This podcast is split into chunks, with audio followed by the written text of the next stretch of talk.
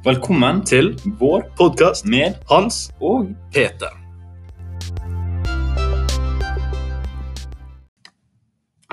I dag skal vi hovedsakelig prate om 1814, det som skjedde før, hvordan 1814 var, og det som skjedde etter. Eh, Vi skal hovedsakelig prate om stormaktene og forholdet, hvordan de var til hverandre, og blant annet napoleonskrigen og alt dette. Men vi skal også gå litt, litt i detalj på noen av nøkkelpersonene.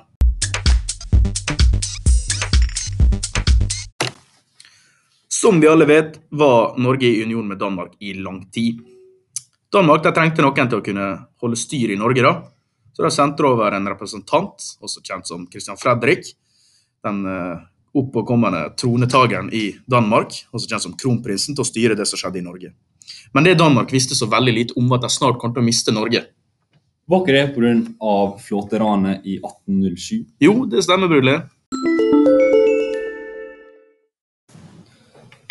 Flåteranet gikk ut på at Storbritannia, så redde som de var, ble nervøs for at flåta til Danmark skulle være en stor og god brikke i napoleonskrigene. Så da sa Storbritannia fuck dette, vi stikker til Danmark og bomber København. Ble ikke de med, da? Det ble de. Danmark gikk da og allierte seg med Napoleon, som da drev og holdt på og eh, kriga nede i eh, Sør-Europa mot eh, Bundesland, som er nåværende Tyskland.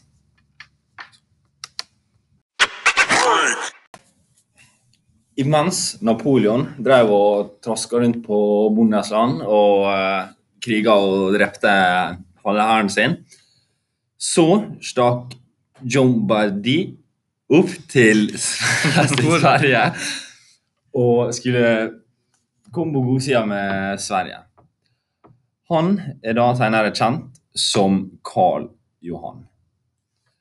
Han gikk til krig mot Danmark, switcha heit om og sa fuck you til dem og fuck you til kompisen sin Napoleon.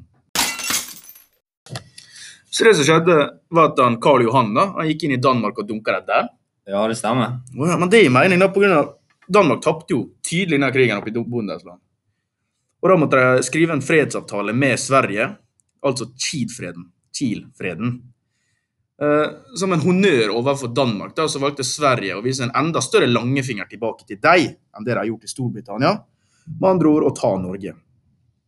Samtidig som de tok Norge, så har vi fortsatt han Christian Fredrik nede der som drev og styrte rundt. Grunnen til at han Christian Fredrik fortsatt var i Norge, var fordi han nekta å ta del i Kiel-fred- Kiel-fredsavtalen og ignorerte den 100% Han var så klart av den makt, maktsyke typen og hadde planer om å bli både konge av Danmark og konge av Norge. Senere, så fort han fikk sjansen, så samla han til et riksmøte på Ulle, Ullevål.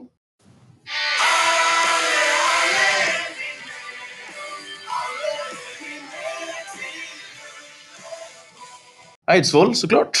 Eidsvoll, ja. Med 112 eh, riksvalgte kandidater fra rundt om i hele Norge, unntatt Nord-Norge fordi Dem er samer. de er samer. Fuck samer, rett og slett.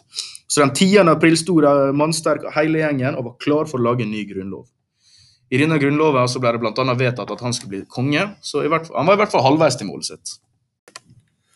Grunnen til at han hadde lyst til å nå målet sitt med å både være konge over Norge og Danmark, er at han hadde investert jævlig mye penger i Norges Bank. Hele formua, ikke det? Hele formua, ja.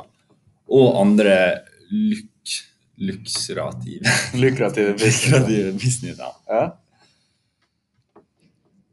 Så rent sagt, da, så var han ute etter, som alle, å tjene mad lags. Samtidig som han skal framstå som en nobel martyr.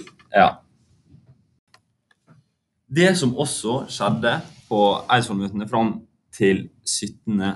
mai, det var at de kom fram til en grunnlov som eh, tilsier ytringsfrihet for alle utenom de som er jøde, kvinne eller ikke eide noe. Så klart. Og det ble oppretta et folkevalgt storting hvor alle fikk også lov til å stemme, utenom jøde, kvinne og den som ikke eide noe. Så klart!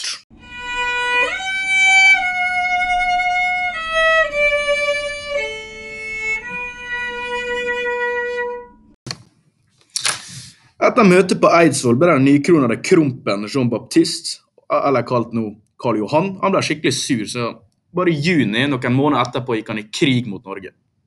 Denne krigen hadde hatt i tre uker, og Norge skjønte til slutt at de hadde ikke kjangs. Dette førte så klart at Christian Fredrik måtte jette tilbake til Danmark. Fun fact, den tidligere demokratielskende guden folkevalgte av Norge som lever og brenner for demokrati, skifta fort tilbake til eneveldet sekundet han kom til Danmark og faren døde, og han ble den nye kongen av Danmark.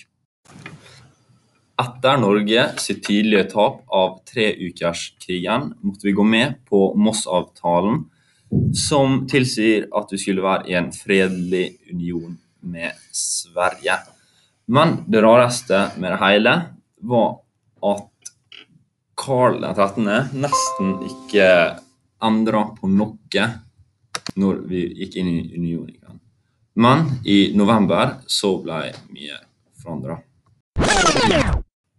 Ja, Du har nesten rett, Brudda, men det var ikke så mye som ble endra. eneste som ble endra, var at grunnloven ble fiksa litt på. For I november så skulle han Karl 13. bli konge pga. Christian Fredrik. Han hadde stokket tilbake til Danmark så maktsyk som han var. Og Karl 13. han var konge i 13 år. sant? Ja. Feil. Fire. Så daua han, og han Karl Johan, også kjent som Jean Baptiste, tok over.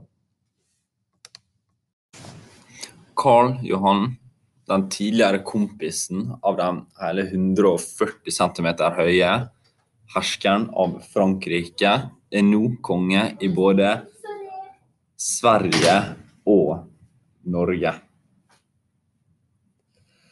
Med tanke på at Karl 13. er fucking døende og ikke gadda å gjøre så veldig mye med grunnlova han eh, Christian Fredrik eh, lagde i Norge før han eh, stakk, så har innbyggerne i Norge veldig lyst til å bli sin egen nasjon. Alle disse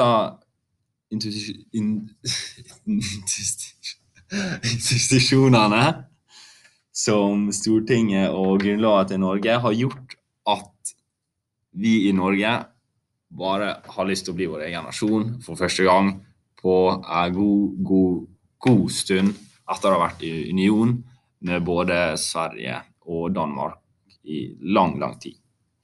Så i 1905 bestemte Norge seg for å si ha det bra til Sverige.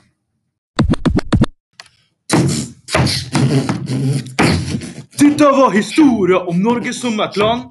Fikk du ikke med, nå kan du pugge, mann. Hvis du er imot Lukka av det her, så kan du dra det ut. Union, jævel! Fuck union!